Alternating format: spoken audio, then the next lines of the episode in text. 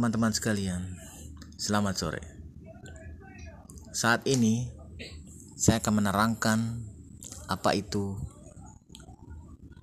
prinsip asuransi yang bernama insurable interest.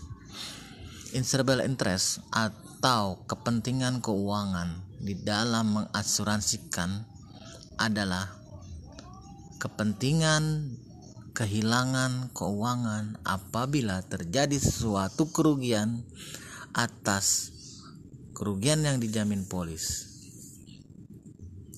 Contoh, seseorang yang mempunyai rumah dengan surat hak milik sendiri bisa mengasuransikan atas nama rumahnya sendiri. Namun, seseorang tidak bisa mengasuransikan rumah orang lain karena Apabila rumah orang lain itu terbakar atau rusak karena bencana alam, maka dia tidak memiliki kepentingan keuangan dan tidak merasa dirugikan oleh tetangganya yang mengalami kerugian. Itu contoh sederhana. Salam smart asuransi. Kali ini saya akan memberikan tips apa itu perbedaan antara pialang asuransi dan agen asuransi.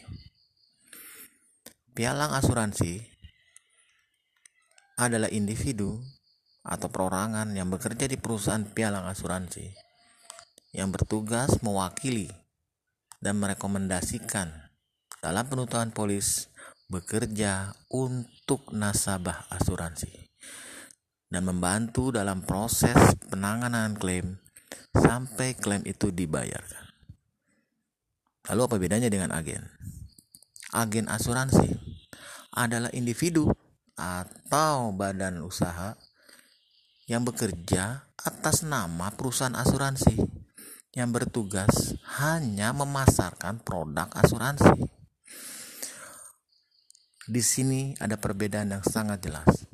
Pialang asuransi bekerja untuk nasabah, agen asuransi bekerja untuk memasarkan produk asuransi atas nama perusahaan asuransi.